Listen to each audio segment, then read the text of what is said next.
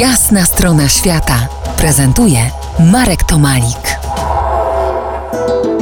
Agnieszka Sawala-Doberszec, publicystka, tłumaczka, podróżniczka, edukatorka interkulturowa i przyrodnicza, siła sprawcza misji humanitarnych na Filipinach, moim i waszym gościem.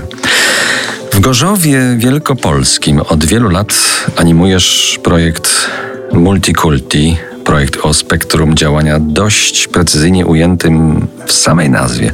Ale zanim go stworzyłaś, to właśnie kocioł Multikulti ukształtował ciebie. Osbahnhof, Berlin? Wiedziałam, że do tego pijesz, tak. Czyli nasz e, wielokulturowy tygiel w postaci e, akademika przy Ostbahnhofie, tak. Jak najbardziej myślę, że to ten pobyt tam i życie wśród tych ludzi z całego świata stworzyło mnie taką, jaką dzisiaj jestem. Mieliście y, tam takie łączone segmenty mieszkalne i wspólne kuchnie, domyślam się, że wspólne rozmowy i wspólne kolacje. Tak, mieszkanie dzieliłam z parą e, z Mongolii, którą, z którymi się bardzo zżyłam i zaprzyjaźniłam i moim marzeniem jest ich móc kiedyś odwiedzić.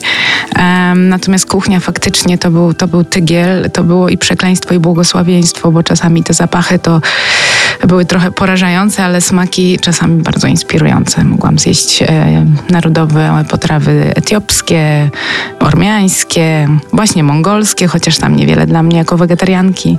Było to bardzo ciekawe. Chyba, chyba kuchnia bardzo łączy ludzi.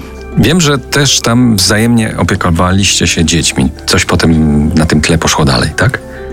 Tak, przy akademiku, którym właśnie przedstawiciele całego świata z różnych programów e, wymian, Erasmusów i tak dalej e, zamieszkiwali, studiowali, było też przedszkole. Ja też miałam już córkę na ostatnim roku studiów i ona do tego przedszkola trafiła. To był kolejny tygiel i dlatego moje dzieci przesiąkły tą wielokulturowością już, już od małego. Czyli tam w Berlinie narodził się projekt y, Multikulti, który teraz y, już ciągniesz latami. Opowiedz nam, jakie ciasto lepisz w tym multikulti tyglu.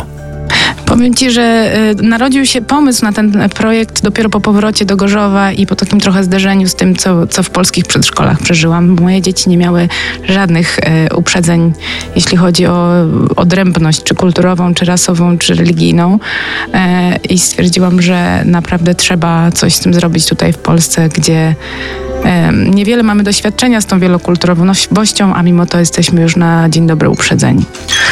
Za niejaki kwadrat wypełniony muzyką RMF Classic wrócimy do rozmowy i powędrujemy z Agą dalej. Zostańcie z nami. To jest jasna strona świata w RMF Classic.